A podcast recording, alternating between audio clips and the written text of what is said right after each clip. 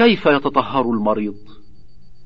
واحد يجب على المريض أن يتطهر بالماء فيتوضأ من الحدث الأصغر ويغتسل من الحدث الأكبر. اثنان فإن كان لا يستطيع الطهارة بالماء لعجزه أو خوف زيادة المرض أو تأخر برئه فإنه يتيمم. ثلاثة كيفية التيمم؟ أن يضرب الأرض الطاهرة بيديه ضربة واحدة يمسح بهما جميع وجهه ثم يمسح كفيه بعضهما ببعض. أربعة. فإن لم يستطع أن يتطهر بنفسه فإنه يوضئه أو ييممه شخص آخر. خمسة.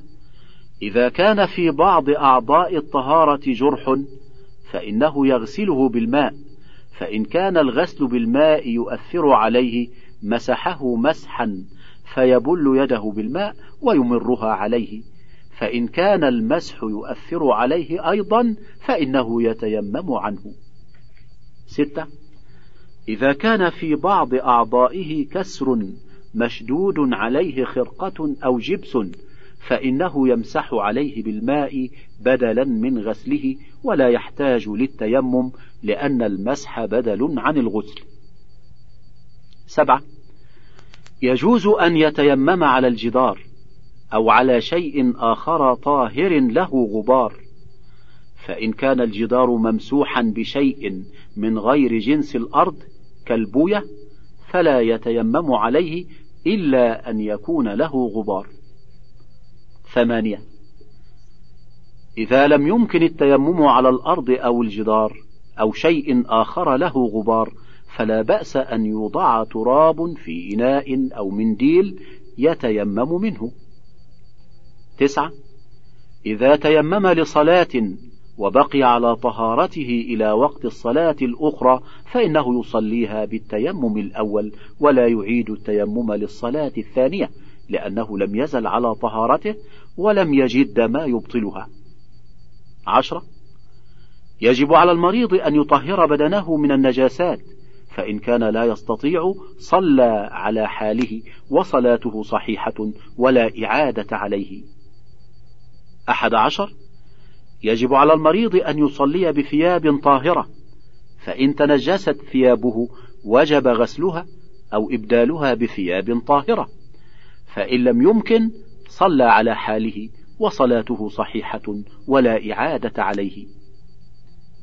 اثنا عشر يجب على المريض أن يصلي على شيء طاهر فإن تنجس مكانه وجب غسله أو إبداله بشيء طاهر أو يفرش عليه شيئا طاهرا فإن لم يمكن صلى على حاله وصلاته صحيحة ولا إعادة عليه.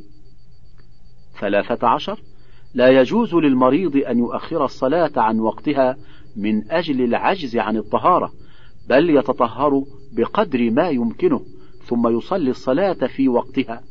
ولو كان على بدنه وثوبه أو مكانه نجاسة يعجز عنها. كيف يصلي المريض؟ واحد يجب على المريض أن يصلي الفريضة قائما ولو منحنيا أو معتمدا على جدار أو عصا يحتاج إلى الاعتماد عليه. اثنان: فإن كان لا يستطيع القيام صلى جالسا، والأفضل أن يكون متربعا في موضع القيام والركوع. ثلاثة: فإن كان لا يستطيع الصلاة جالسا، صلى على جنبه متوجها إلى القبلة. والجنب الأيمن أفضل فإن لم يتمكن من التوجه إلى القبلة صلى حيث كان اتجاهه وصلاته صحيحة ولا إعادة عليه. أربعة فإن كان لا يستطيع الصلاة على جنبه صلى مستلقيا رجلاه إلى القبلة، والأفضل أن يرفع رأسه قليلا ليتجه إلى القبلة، فإن لم يستطع أن تكون رجلاه إلى القبلة صلى حيث كانت ولا إعادة عليه. خمسة يجب على المريض أن يركع ويسجد في صلاته، فإن لم يستطع أومأ بهما برأسه، ويجعل السجود أخفض من الركوع، فإن استطاع الركوع دون السجود ركع حال الركوع وأومأ بالسجود وإن استطاع السجود دون الركوع سجد حال السجود وأومأ بالركوع. ستة. فإن كان لا يستطيع الإيماء برأسه في الركوع والسجود أشار بعينيه فيغمض قليلا للركوع ويغمض تغميضا أكثر للسجود. وأما الإشارة بالإصبع كما يفعله بعض المرضى فليس بصحيح ولا أعلم له أصلا من الكتاب والسنة ولا من أقوال أهل العلم. سبعة فإن كان لا يستطيع الإيماء بالرأس ولا الإشارة بالعين صلى بقلبه فيكبر ويقرأ وينوي الركوع والسجود والقيام والقعود بقلبه ولكل امرئ ما نوى.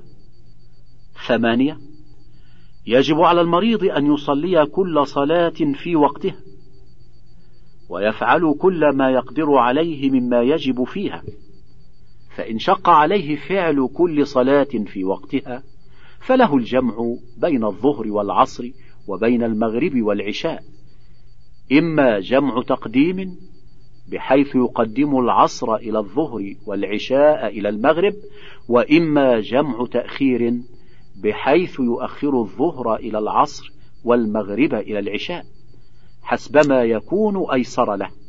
أما الفجر فلا تجمع لما قبلها ولا لما بعدها. تسعة. إذا كان المريض مسافرا يعالج في غير بلده فإنه يقصر الصلاة الرباعية فيصلي الظهر والعصر والعشاء على ركعتين ركعتين حتى يرجع إلى بلده سواء طالت مدة سفره أم قصرت. والله الموفق. كتبه محمد الصالح العثيمين.